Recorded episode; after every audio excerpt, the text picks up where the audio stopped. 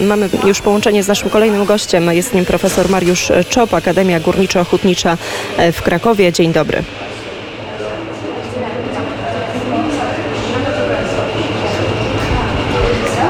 Halo, halo, czy słyszymy się? Ja panią słyszę, pani redaktor. Dzień dobry. O, my też, panie profesorze, słyszymy już e, doskonale. I oczywiście będziemy rozmawiać o katastrofie ekologicznej na Odrze. E, Do tej pory trochę, ja przynajmniej odnoszę takie wrażenie, nie wiem, czy pan profesor się z tym zgodzi, e, że w związku z mm, katastrofą na Odrze jesteśmy w takiej bańce informacyjnej. Już teraz też mamy do czynienia z przerzucaniem się mm, odpowiedzialnością, z zwracaniem się gdzieś w kierunku naszych zachodnich sąsiadów, w kierunku Niemiec, ale konkretów wciąż brak. Jak pan e, e, s- sądzi, co mogło wydarzyć się mm, w, w Odrze? Czy jesteśmy też już gdziekolwiek bliżej? No niestety nie jesteśmy bliżej, bo zaczęło się właśnie to, o czym wspomina pani redaktor, czyli takie przerzucanie się troszkę argumentami i taka po prostu walka, która nie służy temu, żeby wyjaśnić rzetelnie przyczyny tego zdarzenia. A tutaj naprawdę trzeba spokoju nad tym tematem, trzeba się nim szczegółowo zająć i wyjaśnić wszystko, żeby mieć pewność, że ta sytuacja się nie powtórzy. Natomiast no, wydaje się, że na podstawie tych szczątkowych danych, bo podkreślam, że trudno tutaj jest o jakąś wiążącą hipotezę, kiedy mamy szczątkowe dane i tak naprawdę one zostały zbudowane na podstawie głównie obserwacji niemieckich, bo te polskie y, y, wyniki badań, które przedstawia GDOŚ, y, y, y, GIOŚ i WIOŚie, no one często wprowadzają w błąd i mogą być jakby tutaj źle interpretowane. Natomiast no, na podstawie tego, co przedstawiły niemieckie czujniki, które mierzyły w sposób ciągły jakość wody, no chyba jasne, czy bardziej prawdopodobne jest to, że zbyt duże zrzuty zasolonych wód i ścieków przemysłowych spowodowały idealne warunki dla rozwoju glonów, które po prostu zakwitły, no i toksyna, która została przez nie wyemitowana, niestety uśmierciła ryby. Natomiast no, w dalszym ciągu jest y, zagrożenie, no bo te szczątki ryb, które y, zginęły, one mogą zalegać w korycie rzecznym, gnić dodatkowo, zabierać tlen z wody.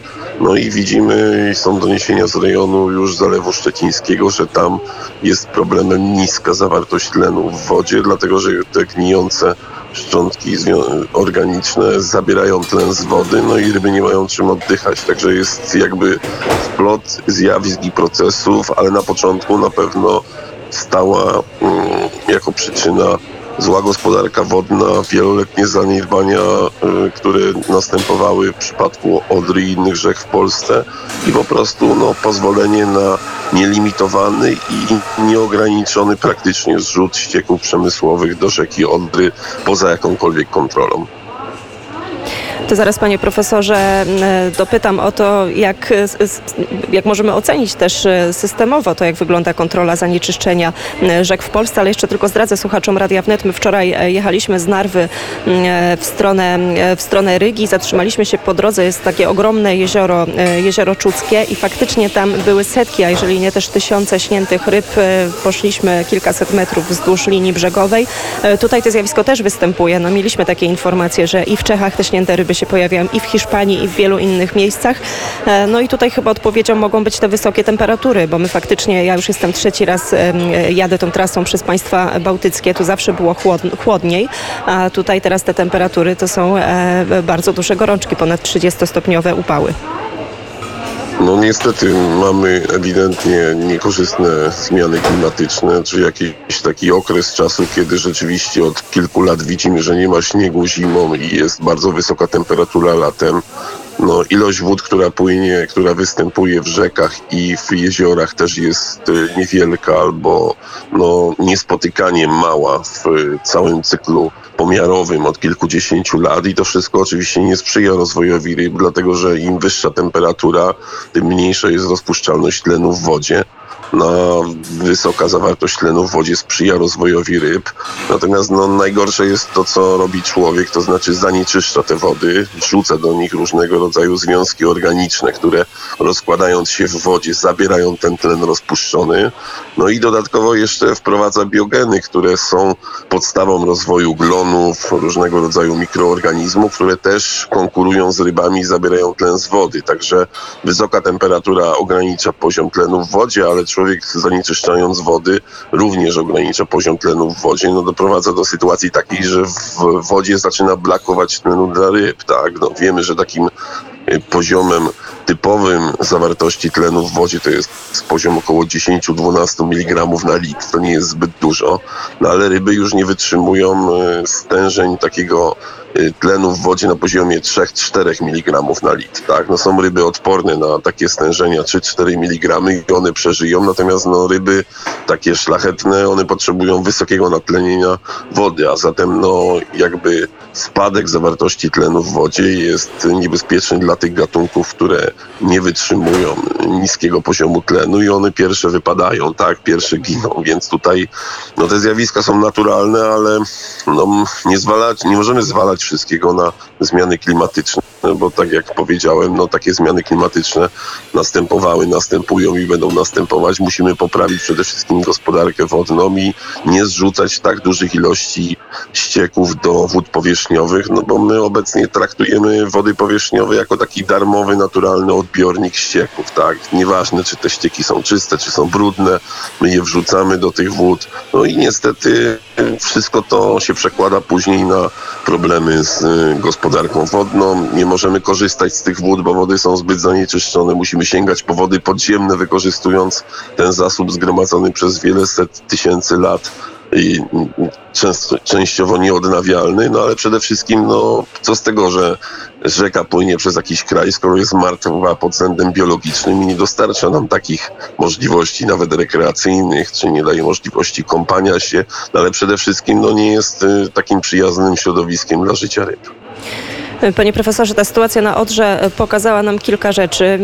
Po pierwsze to, że ten monitoring rzek w Polsce chyba nie działa wystarczająco sprawnie. Po drugie też spore zaniedbania rządu. Już nie chodzi o sam efekt, ale to, że e, przez kilka tygodni, przez prawie trzy tygodnie nie było konkretnych informacji, konkretnych działań e, ze strony e, rządu, a wiemy, że takie informacje płynęły z różnych części Polski od, od wędkarzy, od osób, które, które widziały po prostu, że coś nie tak dzieje się w tej rzece. A czy widzi pan profesor jakieś takie działania i to, że wyciągnęliśmy jakieś wnioski z tego, co już się stało?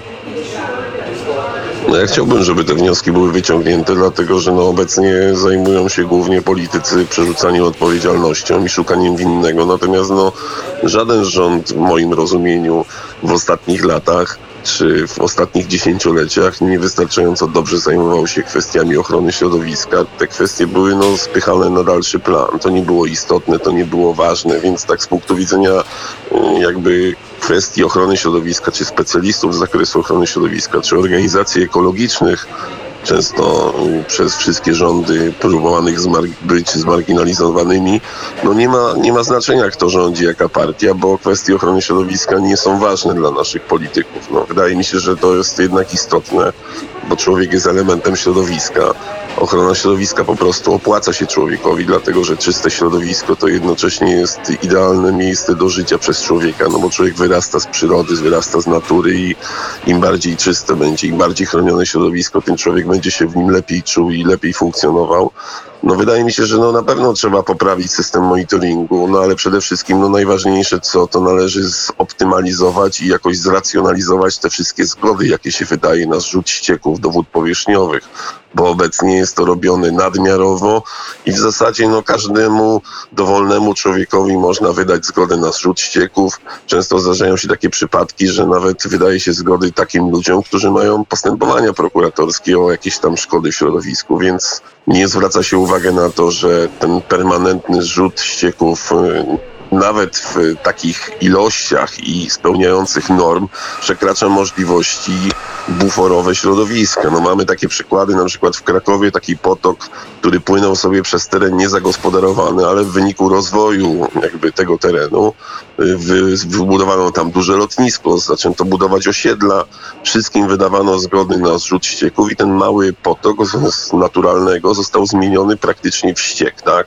Tam płynie 90% ścieków. No i już słyszymy w prasie, radiu i telewizji, że nie można ograniczyć rzutu ścieków do wód powierzchniowych zakładom i różnego rodzaju firmom, bo wtedy taka ich rzekomo działalność byłaby nieopłacalna. My często to słyszymy jako specjaliści od środowiska, bo proponujemy różnym zakładom, różnym firmom no, bardziej proekologiczne metody oczyszczania ścieków, ich utylizacji czy zagospodarowania, ale oni nam mówią, no to jest zbyt drogie, bo my tu mamy zgodę na zrzut ścieków do wód powierzchniowych i co nam tu Państwo proponujecie. No więc nie ma możliwości wdrażania tych technologii, bo zawsze zrzut ścieków do rzeki jest tańszy niż każda nawet najtańsza technologia proekologiczna. No więc skoro taka jest polityka i pozwala się na ten zrzut ścieków do wód powierzchniowych, no to nie ma możliwości wdrożenia żadnych innowacyjnych rozwiązań, żadnych rozwiązań proekologicznych, bo po prostu przemysł zawsze wybierze najtańsze rozwiązania. Więc no jakby tutaj trzeba przemyśleć te,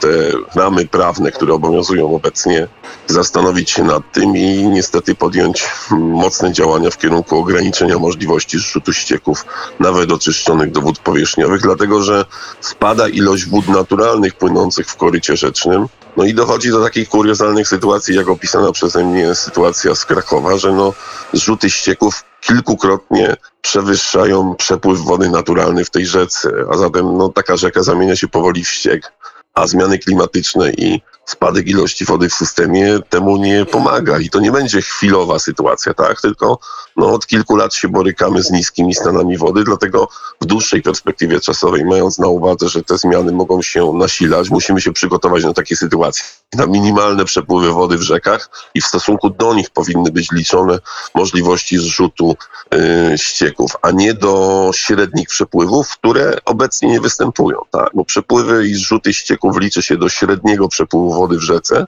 tak? Natomiast no, te średnie przepływy wody w rzece obecnie od kilku lat yy, nie występują. Jesteśmy yy, na minimalnym poziomie, dużo poniżej tych średnich przepływów. No i to jest głównym problemem, bo ten zrzut ścieków realizowany z taką samą ilością, z taką samą wydajnością, albo nawet rosnącą wydajnością, no przewyższa znacząco ilość naturalnej wody występującej w korycie. No więc stwarza to idealne warunki zasolenia, zmiany parametrów fizykochemicznych tych wód, które y, są idealne dla rozwoju właśnie takich glonów inwazyjnych, które mogą, y, mogą y, powodować takie katastrofy. To możemy mieć tylko nadzieję, że ta sytuacja, ta katastrofa, która jest teraz na Odrze, ale zresztą jak wspomniał pan profesor, w wielu innych e, miejscach e, e, w Polsce będzie takim przyczynkiem do, do, do pochylenia się nad tym problemem, do tego, że trzeba rozwiązać go systemowo. Tymczasem bardzo dziękujemy za komentarz. Profesor Mariusz Czop z Akademii Górniczo-Hutniczej w Krakowie był gościem Radia Wnet. Jeszcze raz dziękuję za rozmowę. Dziękuję bardzo. Do widzenia.